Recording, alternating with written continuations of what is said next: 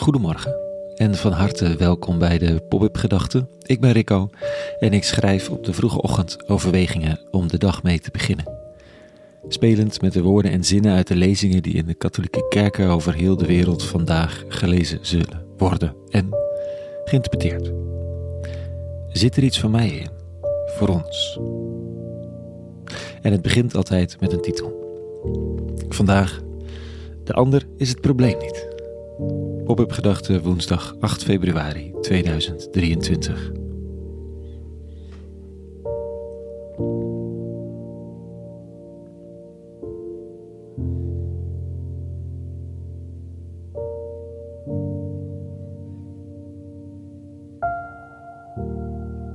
Tja, de ander is het probleem niet.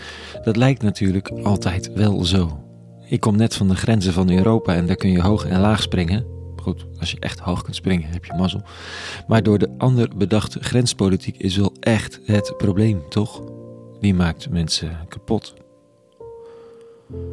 En het is vervelend om te zeggen, maar die ene persoon in de groep is toch wel echt het probleem. Of de boer, of de woke-activist. Of die schrijver met zijn volwassen verhalen voor een jongetje dat ingepalmd wordt door een trainer. Voor die een is die schrijver en zijn fanclub het probleem, met hun goed praten van pedofiele teksten in naam van de kunst. Voor de ander is gezin in gevaar en aanverwante rechtsconservatieve populistische christennationalisten het probleem.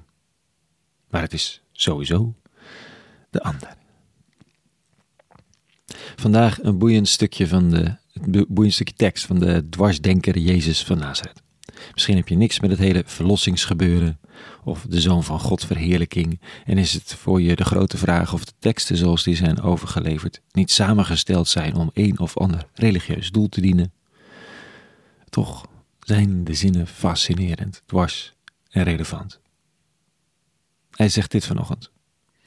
In die tijd riep Jezus het volk weer bij zich en sprak tot hen: Luistert alle naar mij en wil dit verstaan.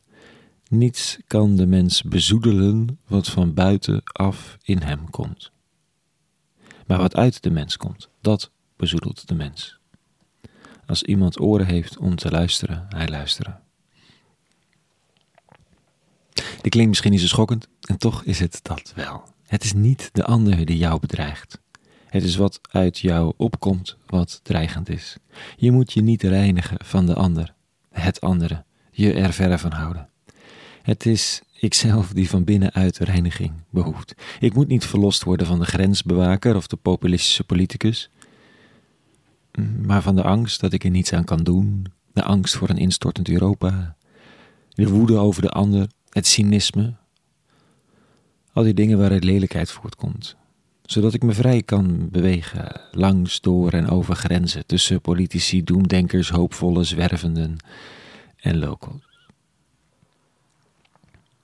De context is specifiek. Het gaat over eten, rein en onrein. Als de leerlingen vragen wat hij bedoelt, maakt Jezus het nogal expliciet. Hij zegt: Hoe kan in vredesnaam eten je hart bezoedelen als het bij de mond naar binnen gaat, door de darmen reist en je het dumpt op een, een, een zekere plaats, zegt hij. Beetje netjes blijven. Als rabbi, ja toch?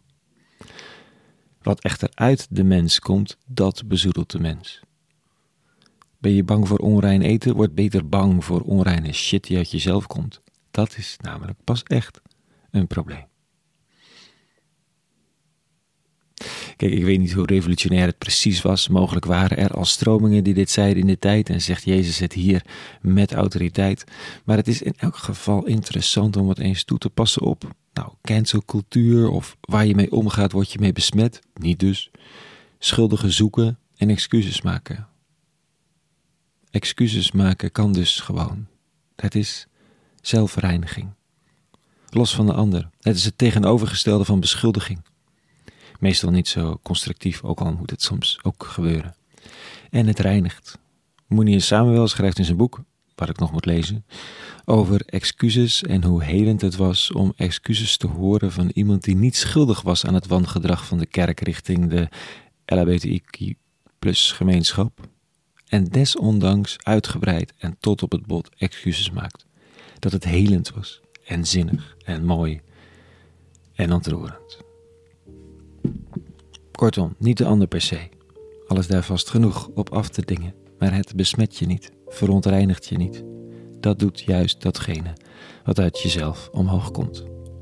Het begint niet met het je reinigen van de ander, maar met een eigen voorjaar schoonmaak.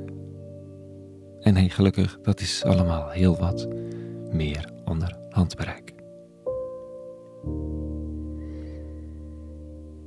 Tot zover even vandaag. Een hele goede woensdag gewenst. Meer pop-up gedachten en hoe te abonneren is te vinden op www.popupgedachten.nl. Voor nu, vrede gewenst. En alle goeds.